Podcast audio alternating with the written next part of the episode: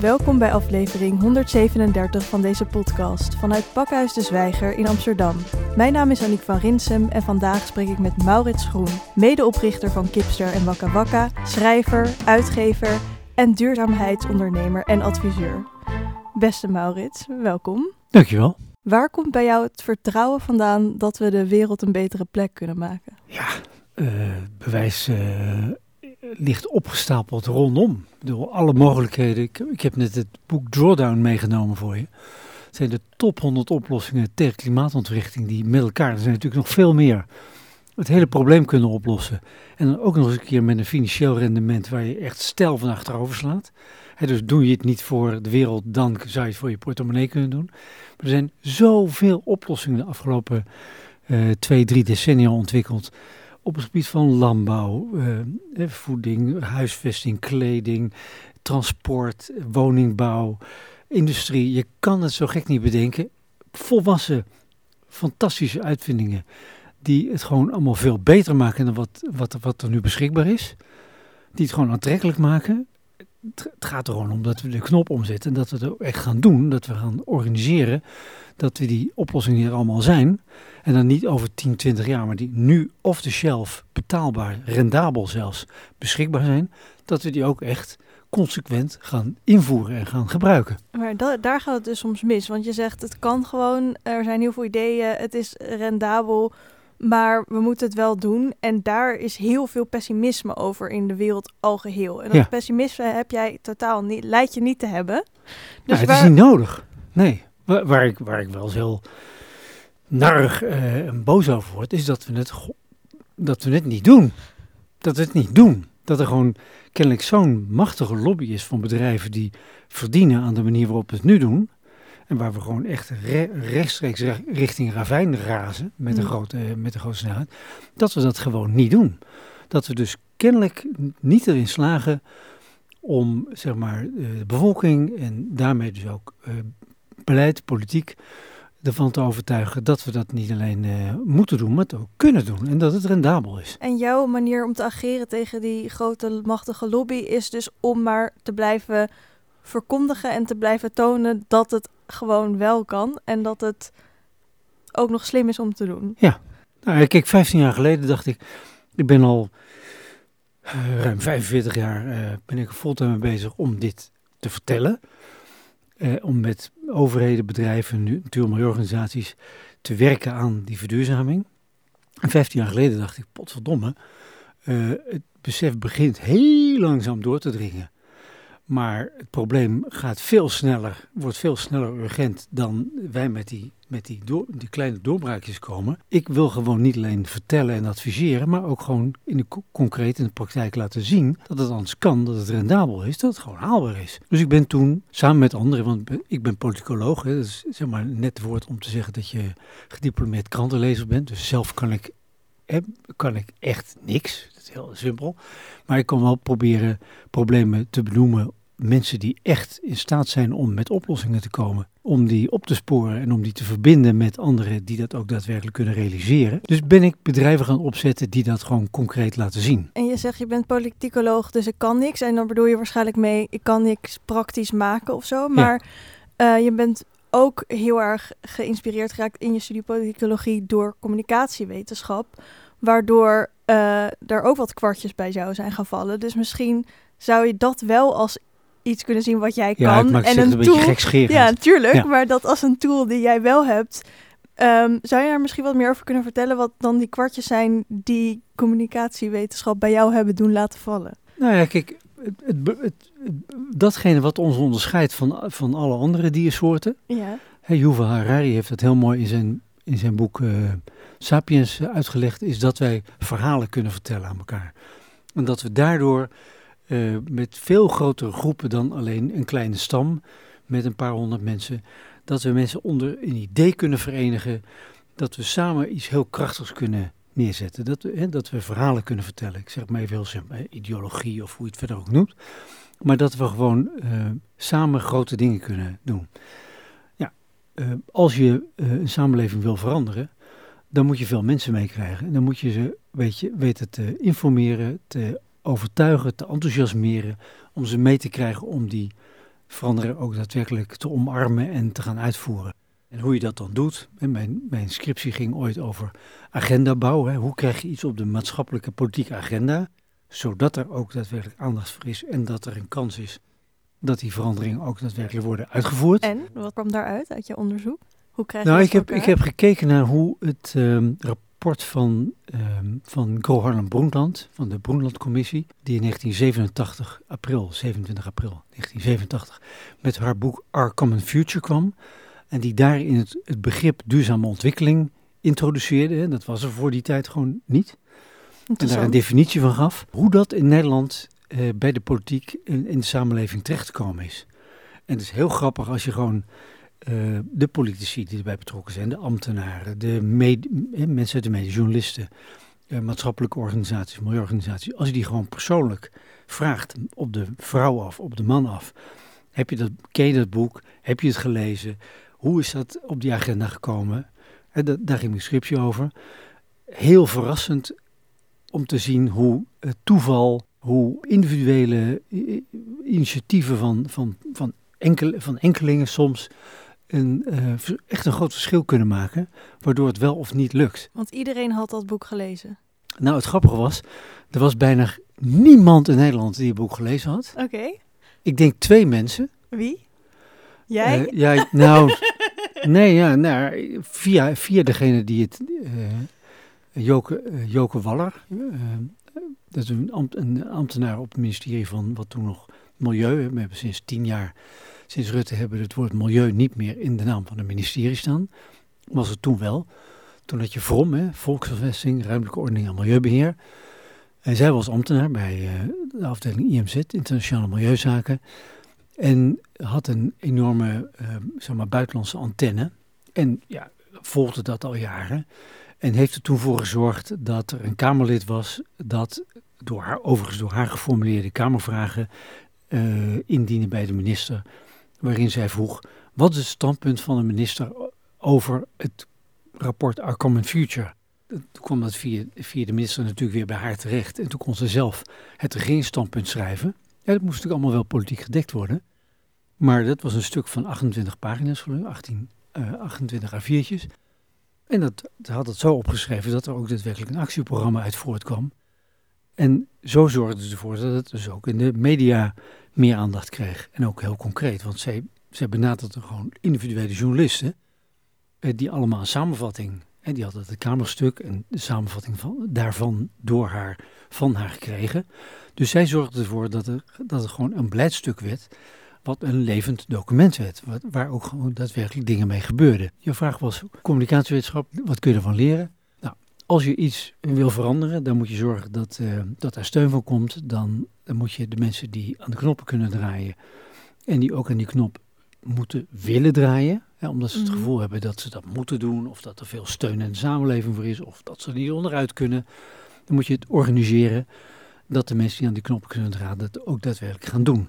Nou, dat heeft die Joke Waller op een hele knappe manier gedaan. Gaat het dan om een goed verhaal, maar dat dan ook een soort van op een simpele manier samenvatten? Wat was het succes van die ene casus waar we het nu over hebben? Nou, Our Common Future was voor het eerst een document, um, het, om te beginnen een VN-document, nou, er verschijnen er tientallen per week bij spreken. Ja. Hoe zorgt er nou voor dat dat gewoon de, gelezen wordt? Ja. Nou, om te beginnen door ervoor te zorgen dat het gelezen kan worden, goed leesbaar is. En ook doordat je er van tevoren voor zorgt dat het gewoon een breed draagvlak heeft. Hè, wat, wat heeft Gohan Boetland gedaan? Die heeft hè, dus niet in een studeerkamer gaan zitten en af en toe met mensen bellen en confereren. Nee, die is naar alle werelddelen toegegaan, heeft daar gewoon consultaties opgezet. Hij is naar Indonesië gegaan, naar Brazilië, naar Rusland, naar uh, Amerika, Europa. En ze heeft een heel goed voorbereid goed georganiseerd uh, de serie van gesprekken gevoerd met mensen uit alle hoeken en gaten van de samenleving, bedrijfsleven, politiek, uh, milieuorganisaties, nou, noem het maar op. Waardoor het ging leven dat er een document aan ging komen, wat overigens voor het eerst, heel belangrijk element, het begrip milieu en ontwikkeling aan elkaar verbond. Want voor die tijd was het vaak zo. Kijk, milieu is iets van uh, waar, ik zeg even heel gekscherend, waar uh, mensen die zich kunnen permitteren om zich zorgen te maken over ontwikkelingen op lange termijn. Ja. Mensen die zich niet zorgen hoeven te maken over hoe heb ik vanavond iets te eten. Mhm. Het milieu was een, was een Elite hobby. Wat een eli- nou ja, als je het heel hard zegt, Ja. een soort elite hobby. In het, in, het, in het noorden, waar we gewoon onze natuur en milieu al eeuwenlang geleden verwoest hebben. eh, en ons, vervolgens onze grondstof uit, uit het zuidelijke, zuidelijke deel van de, van, van de wereld gingen halen. Waar ze vervolgens ook hetzelfde gingen doen wat wij al lang gedaan hadden. En wij gingen toen ineens zeggen van ho ho ho, eh, de laatste biodiversiteit, de laatste bossen gaan eraan. Daar moeten jullie een beetje voorzichtig mee zijn. En niet al de, de boel afbranden en vernietigen en vervuilen en, en verwoesten. Ja, en zeiden ze hallo, jullie hebben, jullie hebben dat A zelf gedaan. B komen jullie nu hier alle onze grondstoffen halen. En weet je voor wie we die bossen plat branden en eh, eh, vee laten lopen en veevoer verbouwen? Voor jullie. Mhm. Dus het werd heel erg een Noord-Zuid discussie. Waarbij de mensen die zich konden permitteren om zich zorgen te maken. eh, tegen de mensen die al blij waren dat ze de volgende dag eh, overleefden, bij spreken. gingen vertellen wat ze moesten, wel niet moesten doen. Dat, dat het totaal ja, geen, geen een non-starter voor een gesprek. Dus je moest gewoon zeg maar, milieu, natuur- en milieubehoud koppelen aan een perspectief voor mensen die, die het veel minder hadden en hebben dan wij hier. Dus je moet milieu en ontwikkeling, hè, een rechtvaardige ontwikkeling en, en duurzame ontwikkeling is per definitie naar mijn idee een rechtvaardige ontwikkeling. Mhm. Want eh, ik zeg maar heel arme mensen kunnen zich niet permitteren om zich zorgen te maken over niet vervuilen, over recyclen, over eh, het, het niet aantasten van, eh, van natuur en milieu. Terwijl de mensen in het, in het rijke noorden, zeg ik maar even heel simpel, veel te grote voetafdruk hebben. En dat is nog steeds zo. Dus zij verbond in dat Arkham Future voor het eerst die twee dingen aan elkaar en plaatste dat op, in een lange termijn perspectief. Ja, dus het is, niet, het is niet alleen het verhaal op veel plekken krijgen en het goed kunnen vertellen, maar het is ook wel echt dat er een soort puzzel in zit die wordt opgelost. Het moet ook wel eh, nog steeds weerslag hebben op de realiteit. Wil je dat zo'n communicatieverhaal echt gaat werken? Wil het op lange termijn echt kunnen. Hè, je kunt, de, ooit iemand heeft gezegd van je kunt iedereen een keer bedotten. Je kunt sommige mensen altijd bedotten, maar je kunt niet altijd iedereen blijven bedotten. Dus Ja. een verhaal moet echt reëel zijn. Ja. moet, het moet kloppen. Het, het, moet, een, het, moet, eh, ja, het moet stevigheid hebben om, om te kunnen beklijven, beklijven. En dat heeft ze dus in elk opzicht, hè, zowel eh, inhoudelijk als procedureel, als wat presentatie betreft, heel erg goed gedaan. Ja, en het is dus niet alleen ehm, verhalen die we elkaar vertellen die ons inspireren, maar ook het gedrag wat we vertonen. Je zei ook ergens dat kinderen bijvoorbeeld vaker hun ouders nadoen dan dat ze doen wat hun ouders zeggen dat ze moeten doen. En dat volwassenen dan weer juist ook vaak gedrag vertonen waarvan zij denken dat ze, dat ze daarmee soort van redelijk zijn. Dus gedrag is ook een heel belangrijk iets in hoe we de wereld gaan veranderen. Dat is ook waarom jij zelf heel veel bent gaan doen. Ja, klopt. Kan, je, ja. kan je daar wat meer over vertellen hoe dat is gestart bij jou? Kijk, toen, toen ik net kon le- lezen en schrijven, hè, de, eh, toen nog de lagere school, hè, de basisschool. eh, ik ben altijd gefascineerd geweest door kranten. Hè, kranten brengen gewoon elke dag de wereld bij jou binnen. Heel overzichtelijk. Er zijn honderden journalisten die gewoon zich uit de naad lopen eh, over de hele wereld. En dan best doen om dan eh, goed opgeschreven, compact, eh, aantrekkelijk jou te vertellen wat er allemaal gaande is. Nou, ik vond het fascinerend. Dus al vanaf mijn, denk zevende of zo, hooguit achtste misschien, las ik de krant van A tot en met Z. En er was ook, ik woonde toen in Helmond, een klein stadje in, in Brabant toen. Ehm Helmonds Dagblad, die hadden elke zaterdag de Jeugdhof, dus een kinderpagina zou ik maar zeggen. Nou, daar kon je dus ook artikelen voor of eh, bijdragen voor schrijven. Ja, dat heb ik ook heel vaak gedaan, want ik vond het heel erg leuk om, om zelf ook dingen op te schrijven. Waar schreef je dan over bijvoorbeeld?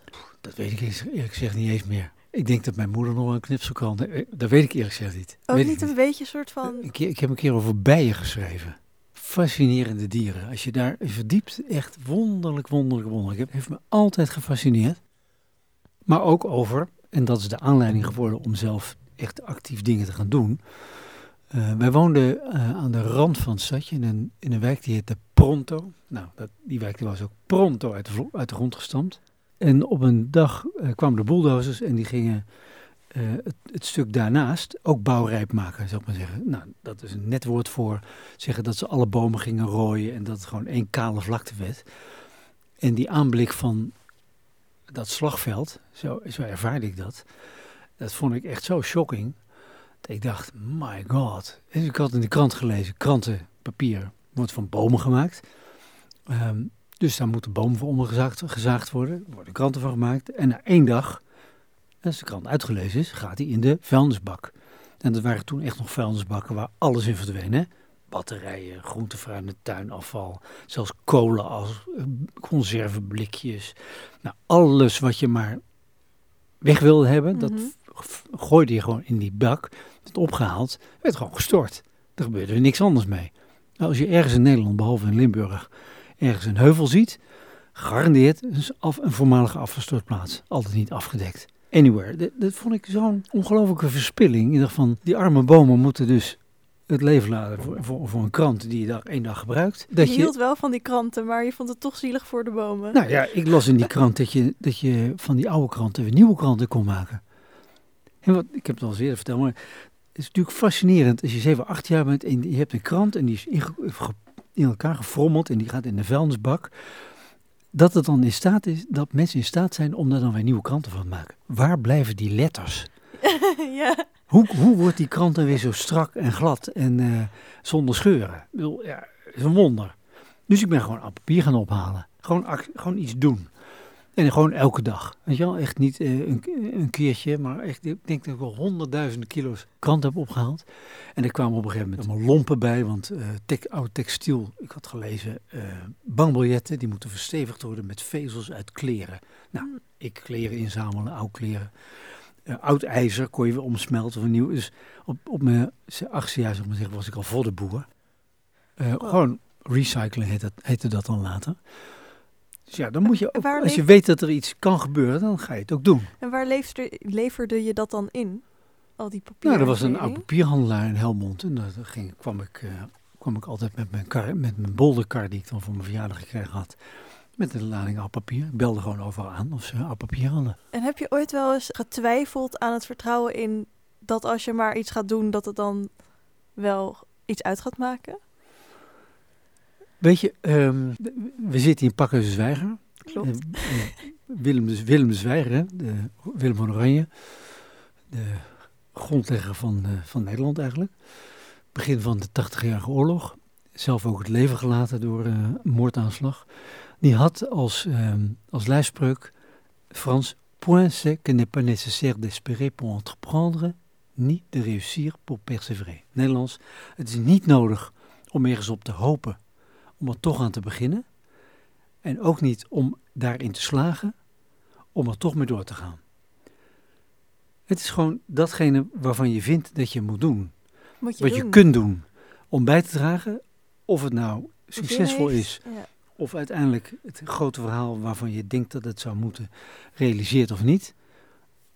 Dat is wat je kunt bijdragen en dat doe je gewoon. En jij hebt ook best wel veel bijgedragen. Je bent onder andere medeoprichter van Wakka Wakka en Kipster. Zou je daar misschien wat meer over willen vertellen? Misschien eerst over Wakka Wakka. Ja, graag. Kijk, onderwijs, eh, samenleven, eh, na zonsondergang, in, met name in, het, in, het, in de Global South, hè, daar, daar is de zon eh, binnen een half uur, na zes uur gewoon verdwenen. Eh, dat begint met licht. En als je geen elektriciteitsnet hebt om elektrische, elektrische verlichting te hebben, is voor ons echt eh, net zo gewoon als ademen, ja, dan houdt die samenleving ook gewoon op. Dan is gewoon onderwijs, eh, voor, met name voor kinderen die overdag vaak eh, op het land moeten meehelpen en dergelijke. Dat is gewoon afgelopen. Ja. En ontwikkeling begint bij onderwijs. En dat begint dus bij kinderen. Dus als die niet in staat zijn om, eh, om toegang te hebben tot fatsoenlijk licht, en dan liefst niet met kerosinelampjes, want A is dat fossiele energie, maar bovendien is het ongelooflijk smerige zooi. De, de kerosine die arme mensen kunnen kopen, dat is een soort van vloeibaar chemisch afval, waar ze met hun snuffers bovenop zitten omdat het heel slecht licht is. uh, die kerosinelampjes vaak in elkaar geknutseld door mensen zelf. Die vallen vaak om, omdat ze op de, op de grond staan. Iemand loopt er tegenaan, de vloes valt eruit. Uh, alles, het is daar droog, uh, er wordt gebouwd met hout en stro, bosset in de lichte laaien.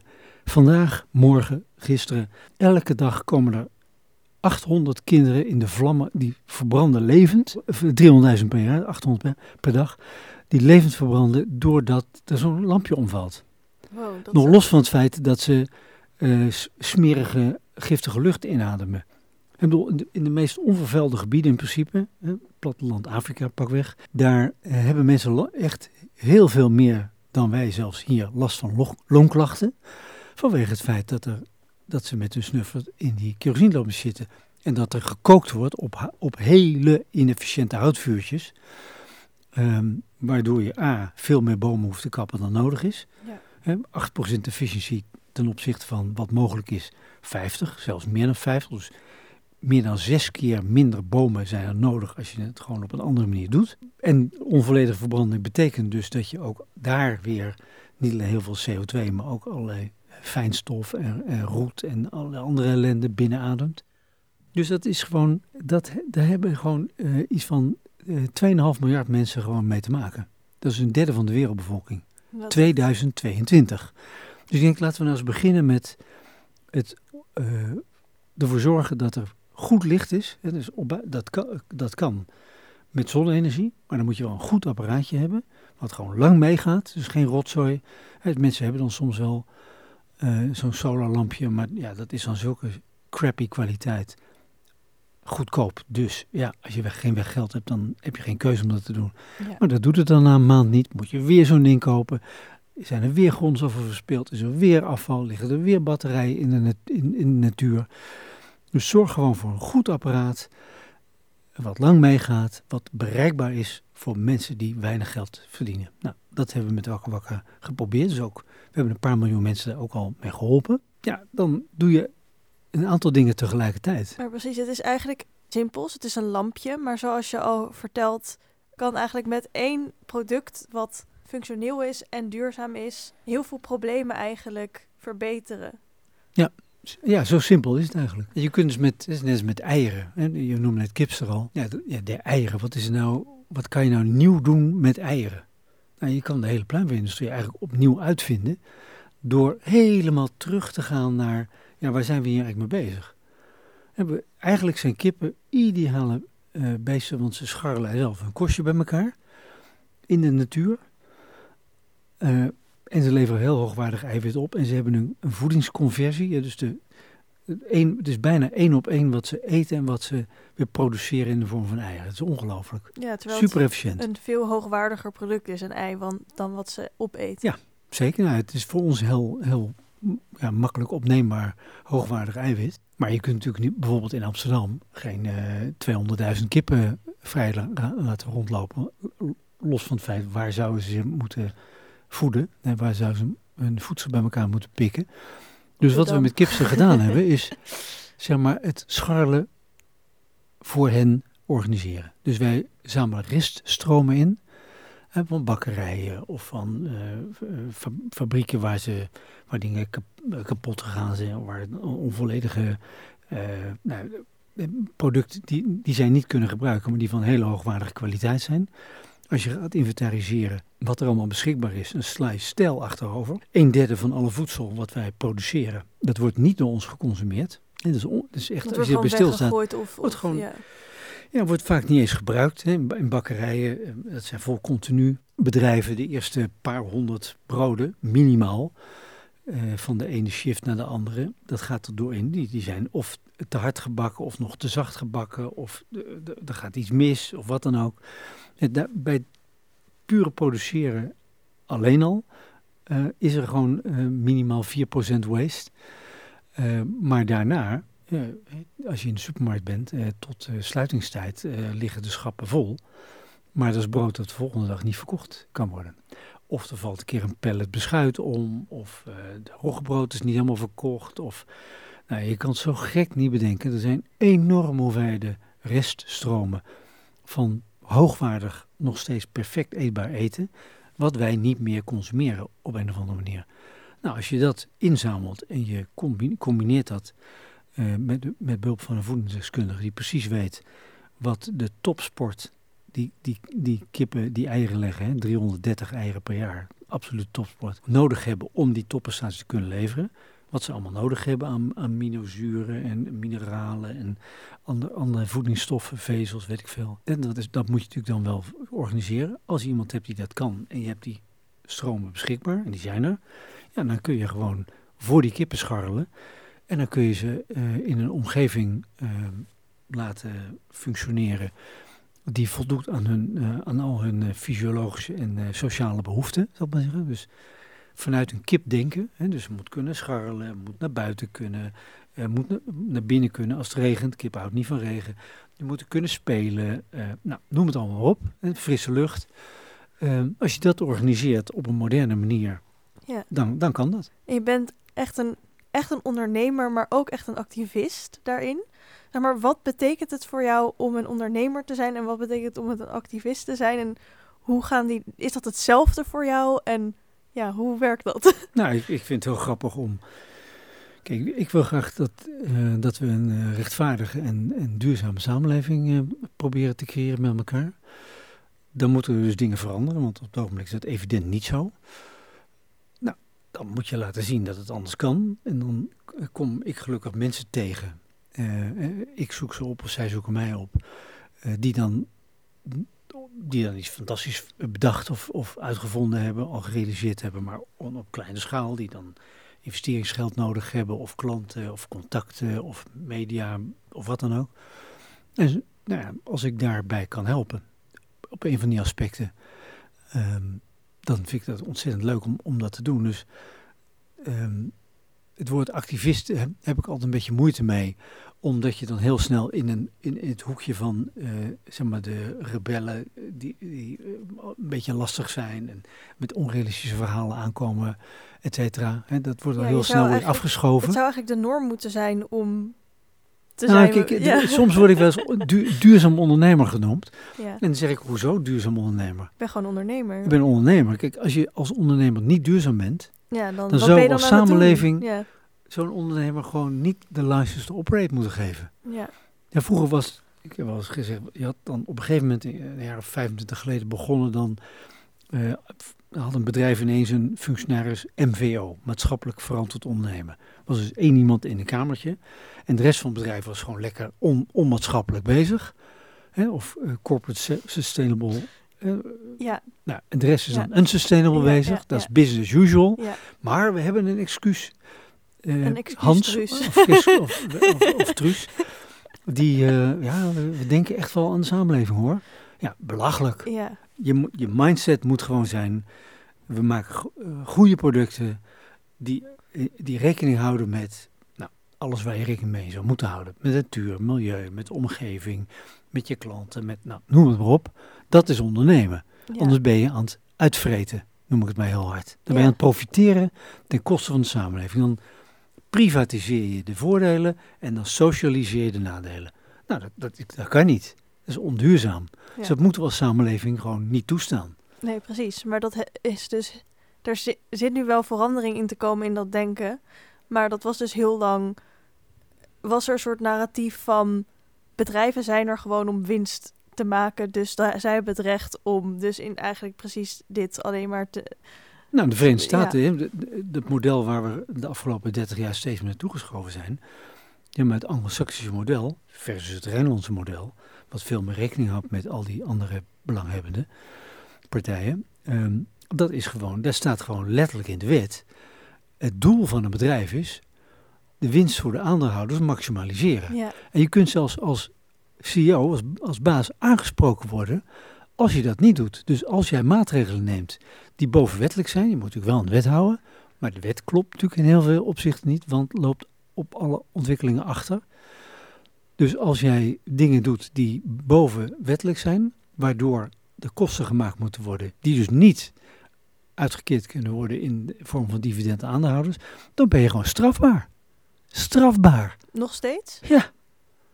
Dus ja, die CEO's dus je mag denken... eigenlijk niet het beste met de wereld voor. Het strafbaar om, uh, het beste met de wereld voor te hebben om een soort van rekening te houden met duurzaamheid. Als je het heel kort door de bocht en hard zegt, dat is feitelijk het geval. Een doel van een bedrijf is het maximaliseren van de winst voor de aandeelhouders van dat bedrijf. Punt. Oké, in hoeverre zie je daar een verandering in? Want het is dus nu dan nog strafbaar en het is ook zo, ja, zo lang hebben we gedachtegoed gehad dat het normaal was voor bedrijven om alleen maar met winst maken bezig te zijn.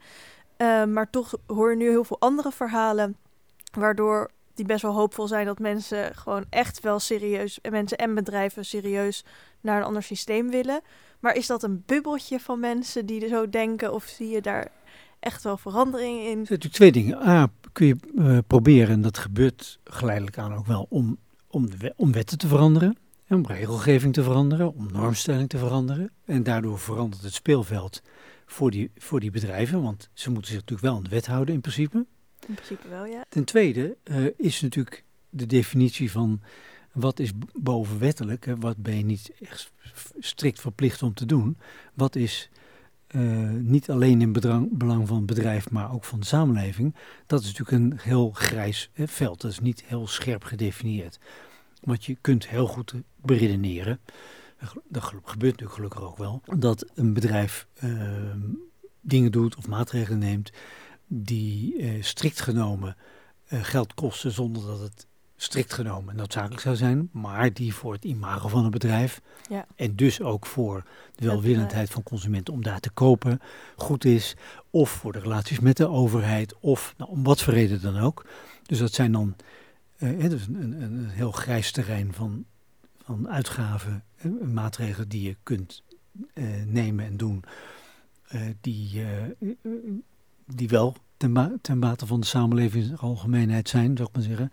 Dus de speelruimte is er wel degelijk en die kun je ook oprekken.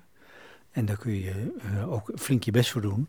Dus het is niet zo zwart-wit, dus, zoals we net eventjes uh, ja. scherp zetten. Ja, maar ik bedoel, het is dus wel zwart-wit uh, op bepaalde punten en op bepaalde vlakken. Ik, ik vind het wel belangrijk ook om... Het is allemaal niet zo zwart-wit, maar aan de andere kant... De bottomline is inderdaad vrij zwart-wit. Ja. Maar je, je kunt daar wel flink mee spelen. Maar dat, dat hangt dus af van degene die uh, ja, in de leiding zitten. De leiders moeten de goede, uh, goede, uh, goede dingen doen. En managers moeten dingen goed doen. leiders zijn degene die de koers uitzetten, die bepalen of ze die grens willen oprekken, of ze die willen opzoeken, of ze willen proberen echt een andere koers in te slaan. Of ze hè, die wet en regelgeving willen veranderen. Want in feite, net als met voetbal. Hè, mm -hmm. ik voetbal zaterdag om half, half tien ook altijd nog. Maar Ronaldo ook. En die kan meer met een bal dan ik, kan ik je mhm. vertellen. De bedrijven die in feite uh, de meeste potentie, die de meeste innovatiekracht hebben. Die de meest deskundige mensen in huis hebben, et cetera. Die willen graag kunnen excelleren. Die kunnen het veel beter doen dan bedrijven die, de, die er maar een beetje een potje van maken. Dus in feite hebben die bedrijven er belang bij dat de wet en regelgeving scherp is. Dat de lat hoog ligt, waardoor zij kunnen excelleren. En waardoor zij gewoon in de, uh, zeg maar, de geherdefinieerde randvoorwaarden van de markt het het, het beste kunnen doen. Dus er zijn wel degelijk bedrijven die daar ook op proberen te pushen. Ja. Maar uh, beleidsmakers, politie zijn vaak bang om de mensen met de rode lantaarn en de achterlopers, de klaplopers, om die gewoon kwijt te raken. Dus, en bovendien moet je het lef hebben om dingen te veranderen. En mensen houden niet van verandering, dus dat is moeilijk. Daar heb je lange adem voor nodig. Je loopt tegen tegenstand aan. Dus ze zijn niet snel geneigd om dat te doen. Maar veel bedrijven die zeg maar, de potentie hebben om het beter te doen, die hebben er belang bij en die pushen dat ook wel. Ja, en ik heb daar nog een vraag over, want uh, je ziet dus wel die bedrijven dat, of veel bedrijven misschien zelfs wel die, die verandering willen maken. Um, maar je noemde net bijvoorbeeld ook al, je kan ook dat willen doen voor je eigen imago. En zie je, zie je dat de wil om, om een overstap te maken naar een meer duurzame manier, dat dat meer uit een ideologische uh, reden voortkomt? Of uit een economische reden. Dat ze, dat ze denken, het is toch eigenlijk wel slim om dat te gaan doen gezien de toekomst van de economie. Of dat ze denken, dit is mijn ideologische verlangen. Nou, dat is een heel gemengd beeld natuurlijk. Er zijn leiders die, die, denk, die, het, eh, die het echt willen. Die, eh, die zien dat het, dit de onvermijdelijke ontwikkeling is. Eh, en dit ook uit zichzelf graag willen doen. En er zijn heel veel mensen die in, in toenemende mate, is ook een beetje antwoord op je vorige vraag, die gewoon zien dat de wind aan het draaien is. En die overal duurzaam en groen en ecologisch opplakken. Zelfs als dat helemaal niet aan de hand is. Hè? De, green, de greenwashing. Ja, precies.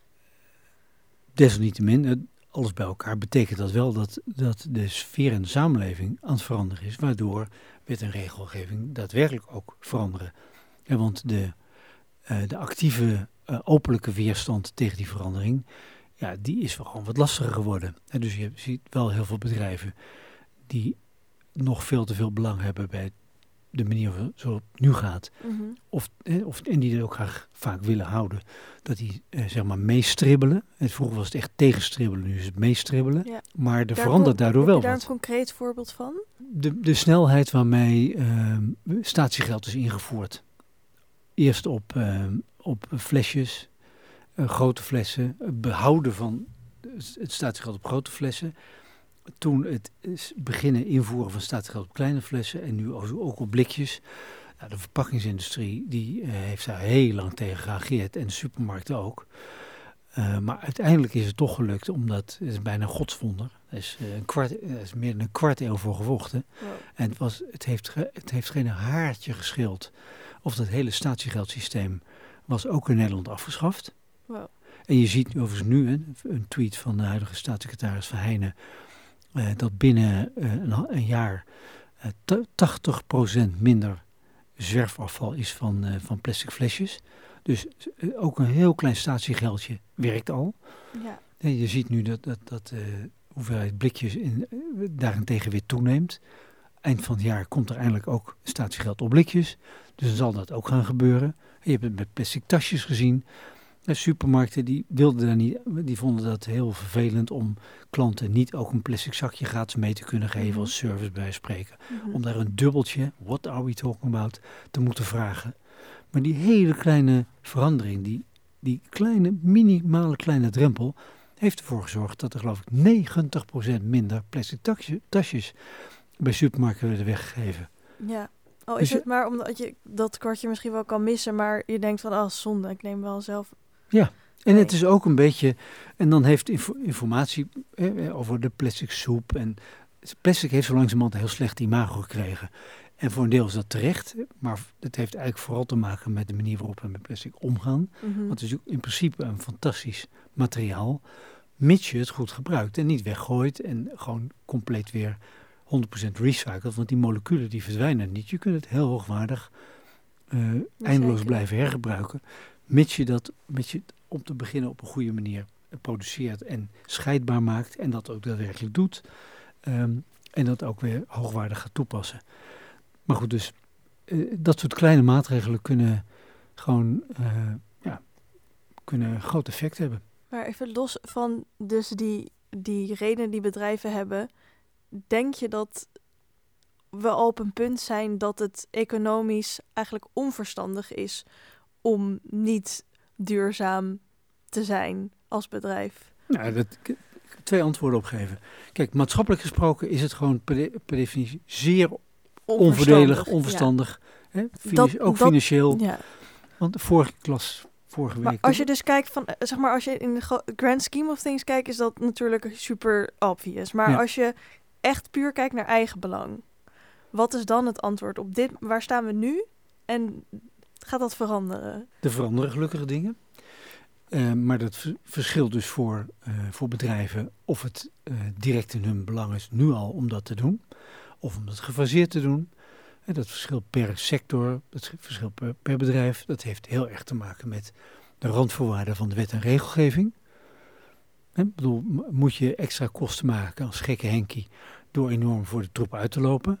Of krijg je juist een groter marktaandeel doordat je eh, weet over te brengen bij een interessante groep consumenten. Dat je het gewoon beter doet en dat je dus de, de juiste keus bent voor hen. En waardoor het ook direct concreet in jouw bedrijfsmatige voordeel is om dat te doen. En dat, dat hangt nogmaals van, uh, van je sector en van je specifieke product af.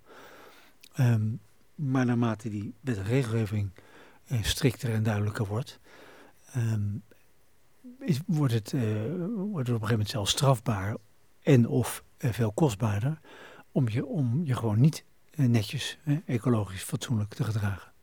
Duidelijk. Je vertelde me net dat je heel druk bent. Waar ben je allemaal druk mee?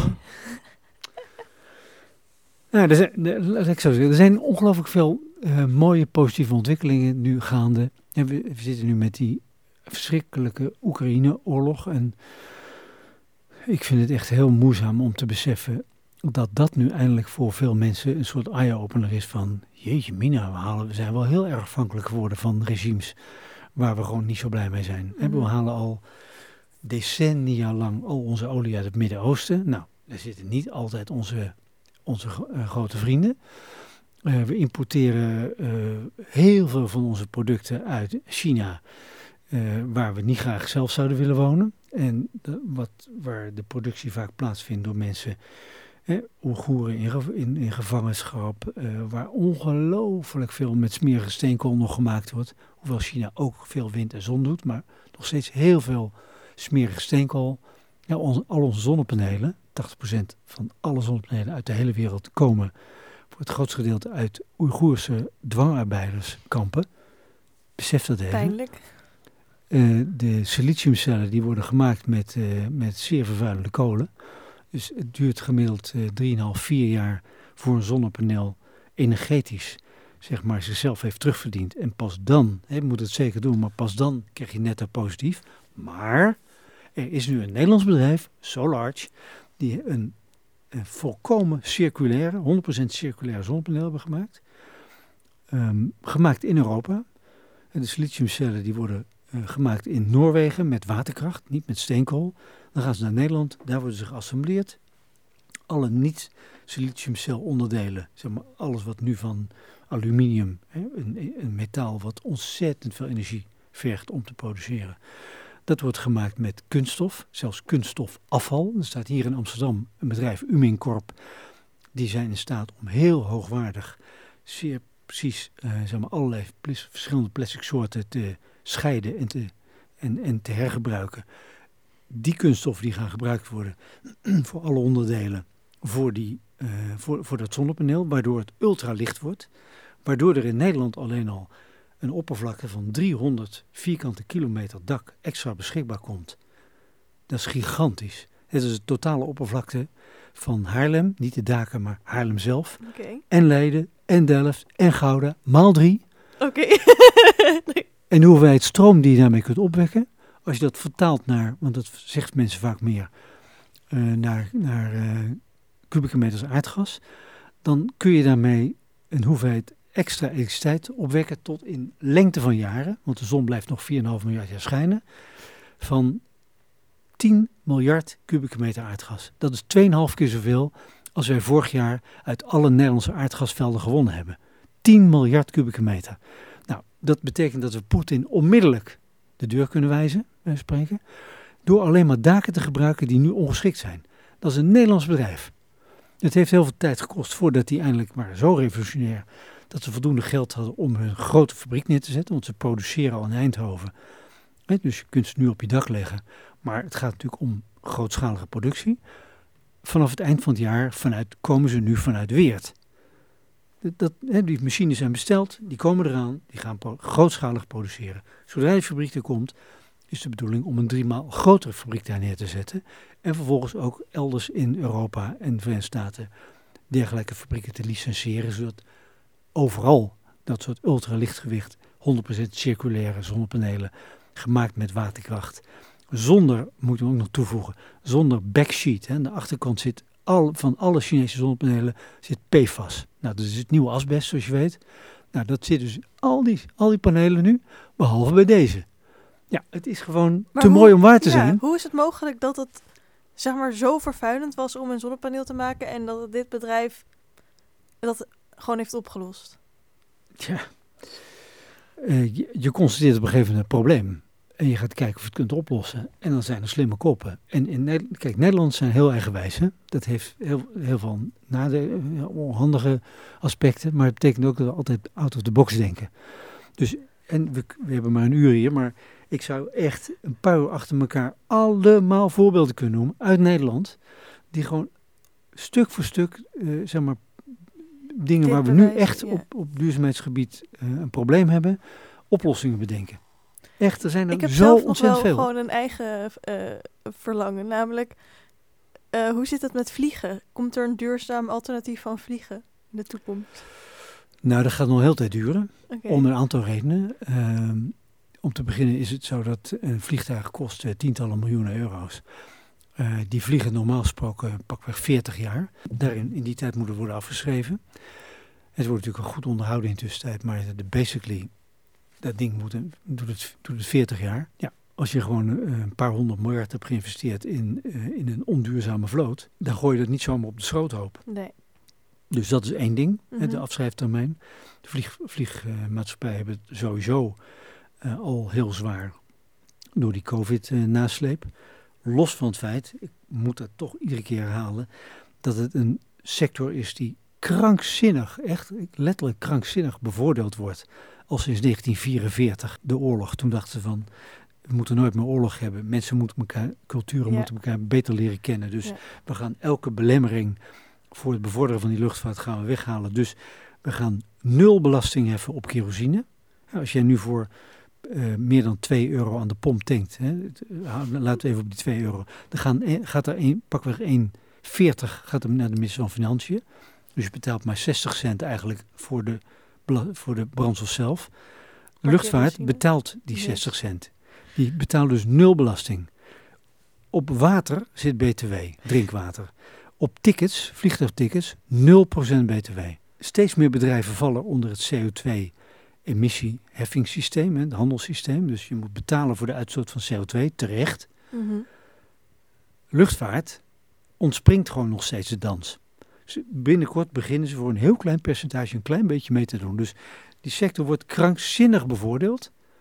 Er zijn nog veel meer voorbeelden eh, on, on, on this. Ja. Maar dat is een sector die zo onduurzaam is als ik weet niet wat. En zelfs dan zijn ze nog niet in staat om rendabel te draaien eigenlijk.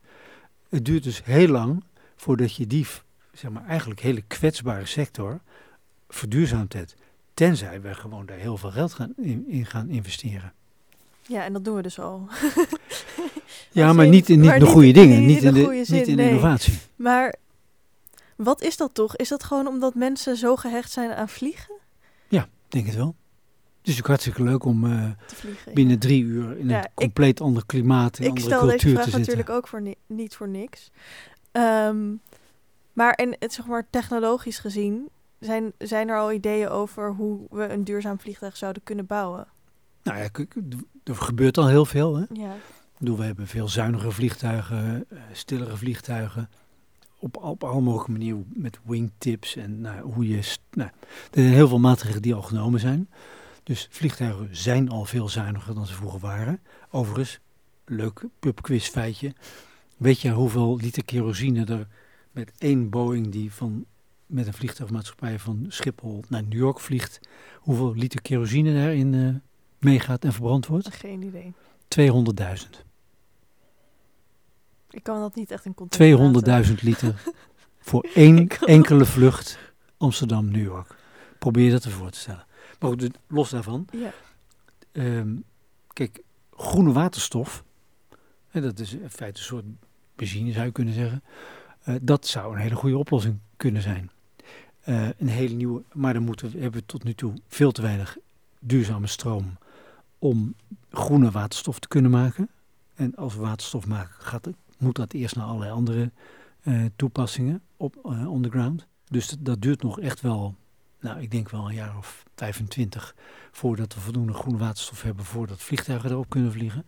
Ondertussen is er natuurlijk ook, en ik hoop dat we dat versneld gaan doorvoeren, zijn, zijn onderzoeken naar eh, zeg maar hele lichtgewicht batterijen die niet werken met, eh, met giftige stoffen, niet werken met hele schaarse metalen. Eh, die werken met, uh, met grondstoffen die 100% weer recyclebaar zijn, zeg maar zeggen, en die ook licht zijn, waardoor ze ook mee kunnen in die vliegtuigen. Dus die ontwikkelingen die zijn er wel, maar ik denk, ben bang dat daar nog wel enige tientallen jaren mee gemoeid zijn voordat we uh, dat daadwerkelijk op grote schaal dus nog kunnen even gebruiken. geduld. Dat, we, we moeten drastische maatregelen nemen voordat dat eindelijk beschikbaar is. Want ja, over een jaar of uh, 8 à 10, dan is het klimaat tipping point van de 450 ppm CO2 in de atmosfeer, waardoor we runaway climate change krijgen.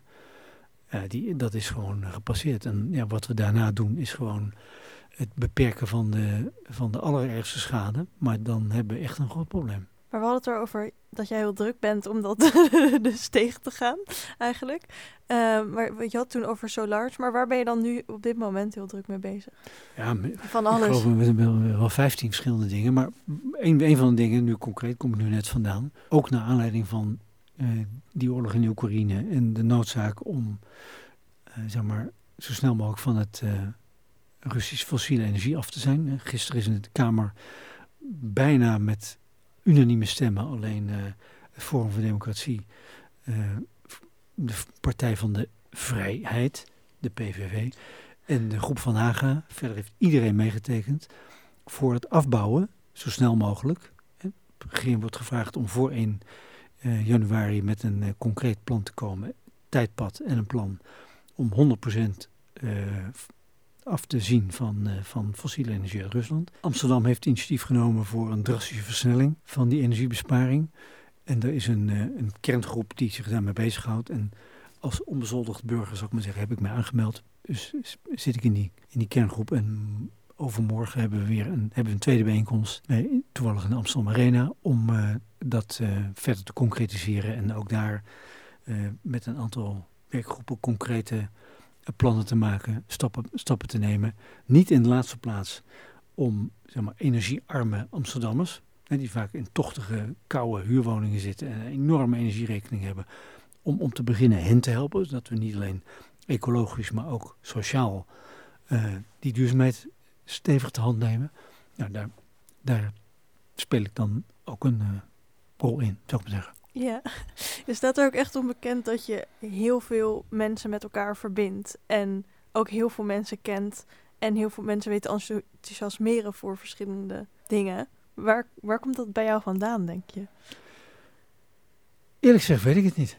Ik, ja, op een gegeven moment uh, ontdek je dat, uh, dat dingen fout gaan, anders kunnen. En dan vraag ik, vraag ik me altijd af van, waarom gebeurt het dan niet? Ik ben gewoon heel praktisch ingesteld. En ik van, nou, laten we dan eens kijken met wie we zo snel mogelijk uh, die prachtige ontwikkelingen. Want hè, net noemen dat boek Drawdown, de top 100 oplossingen zijn er nog veel meer. Maar de ene is nog mooier dan de ander. Het is er gewoon. Het is niet alleen betaalbaar, het is super rendabel. Waarom gaan we dat dan niet doen? Nou, dan, ja, dan vind ik het heerlijk om mijn tanden erin te zetten. En dan net zo lang totdat het gewoon gerealiseerd is. Ja, heel mooi. Wat denk je dat de belangrijkste stappen moeten en zullen zijn de komende jaren? Nou, eerst moet de, zeg mentaal de knop om. En uh, president Kennedy in de Verenigde Staten, een voorbeeld is eindeloos aangehaald, maar het is een heel sterk voorbeeld. Die zei in 1961, we gaan naar de maan. Voor het einde van dit decennium, hè, 1961, dus voor 1970, hebben wij een man op de maan. Was toen nog een man, hè? Hoe, hoe we daar komen, I don't know. We hebben de technologie, we weten bij God niet hoe we dat moeten doen. Maar als het makkelijk was, hadden we het al gedaan. Dus we doen het omdat het verrekte moeilijk is. We zetten onszelf een doel en we, wat er ook voor nodig is, we gaan het gewoon doen. Nou ja, in augustus uh, 69 was het zover. Onvoor, echt onvoorstelbaar. En ook weer veilig terug. Hè? Ik bedoel, dat, op de maan dat is nog één ding, maar ja. veilig terug is nog een heel ander verhaal. Ja. Dus om te beginnen, moet, we hebben hier een minister-president, uh, leider van het land, van de regering. Die moet gewoon met een televisietoespraak komen van jongens, voor 2030 zijn wij van fossiel af. Punt. En whatever it takes, we gaan het gewoon doen. En ik ga met iedereen individueel om eh, sector A, B, C, D, E, F, G, met iedereen op tafel van kom met je plan. En kom met updates, kom met tussen, tussendoelen. Wat hebben jullie van ons, de regering, nodig om daar te komen? Gaan we in gesprek. Dan creëer je in het land een gevoel van urgentie. Dan, dan ben je echt een leider. In plaats van, nou ja, dan ben je echt een leider. ja, ja. En dan denk ik dat je, kijk, de samenleving heeft verdomde goed in de gaten dat we echt in dikke shit zitten. Ja. Maar die denken, my god, wat moet ik als individueel burgertje, als individuele winkelier, als individueel bedrijfje, wat moet ik doen? Hoe kan in godsnaam, zelfs als Nederland naar nul gaat, dan, dan verandert er nog niks in de wereld. En wat niet helemaal waar is, maar, maar dat is niet de reden om het niet te doen. Ik haalde net Willem van Oranje aan. Op het moment dat je gaat uitstralen, dat je die urgentie voelt en dat je iedereen's beste kwaliteiten aanspreekt om bij te dragen aan het bereiken van dat doel, dan ben ik ervan overtuigd, dat is mijn, misschien naïef, maar dat is mijn, echt mijn overtuiging, ik geloof echt dat het zo is, dan mobiliseer je het beste in mensen en dan zijn ze bereid en zelfs trots op om dat, die extra stap, die extra sprong, om die te wagen. Ja. Om het beste wat ze in zich hebben, om de middelen die ze hebben, om de deskundigheid die ze hebben, om die ook in te zetten om dat doel te bereiken. Maar dat begint met leiderschap. Heel veel dank, Maurits Schoen. Graag gedaan. Beste luisteraars, dit was aflevering 137 van de podcastserie van Pakhuis de Zwijger. Wil je meer weten? Kom of kijk dan op dinsdag 12 april om 8 uur naar Nieuwe Economie Themaavond van Denken naar Doen. In Pakhuis de Zwijger of via dezwijger.nl slash live. Een rating achterlaten of je abonneren op deze podcast kan via Soundcloud, Spotify, Apple Podcast of een ander podcastplatform. Dank voor het luisteren en tot de volgende keer.